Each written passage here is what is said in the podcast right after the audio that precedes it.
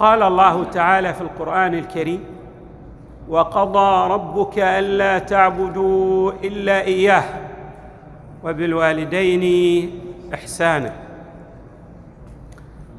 من الأمور التي أكدت عليها اي القرآن الكريم والروايات الواردة عن النبي صلى الله عليه وآله والأئمة من أهل البيت بر الوالدين.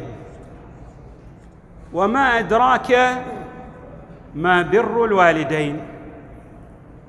كثير من الناس لا يعرف الأهمية الفائقة لبر الوالدين على حياتيه الدنيوية والأخروية.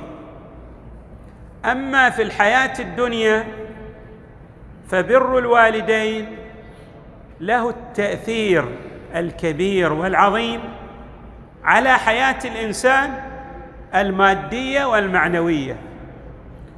كثير من الناس يسعى خلف رزقه كادحا ورزقه بين يديه ولكنه لا يعرف مفاتيح الرزق. ولذلك يبتعد كثيرا عن رزقه بمعنى أنه يصنع عقبات بينه وبين رزقه.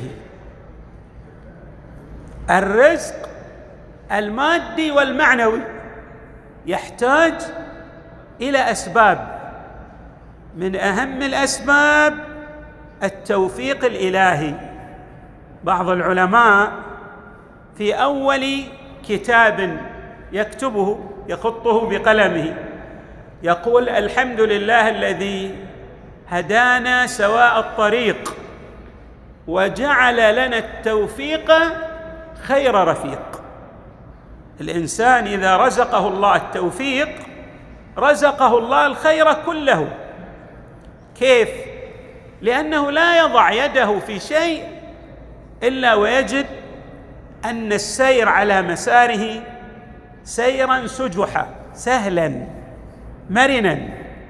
وهناك من يضع قدمه في خطواته على طريق ولكنه يجد العقبات الكأداء في طريقه.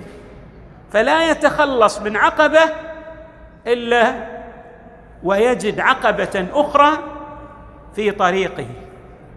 من أعظم الأمور التي تؤكد عليها الروايات في إزالة جميع العقبات بر الوالدين بر الوالدين وبر الوالدين. هذا مفهوم ولكننا سنشير إلى بعض التطبيقات السهلة في التعامل العملي مع الأبوين. مع الأب والأم. وطبعا عندما نتحدث عن بر الوالدين ينبغي أن نلتفت إلى أن الأهمية القصوى في بر الوالدين هي لبر الأم ولكن أيضا لبر الأب. بر الوالدين يأتي بالتعامل الكلمة الطيبة ويأتي بالصدقة عنهما.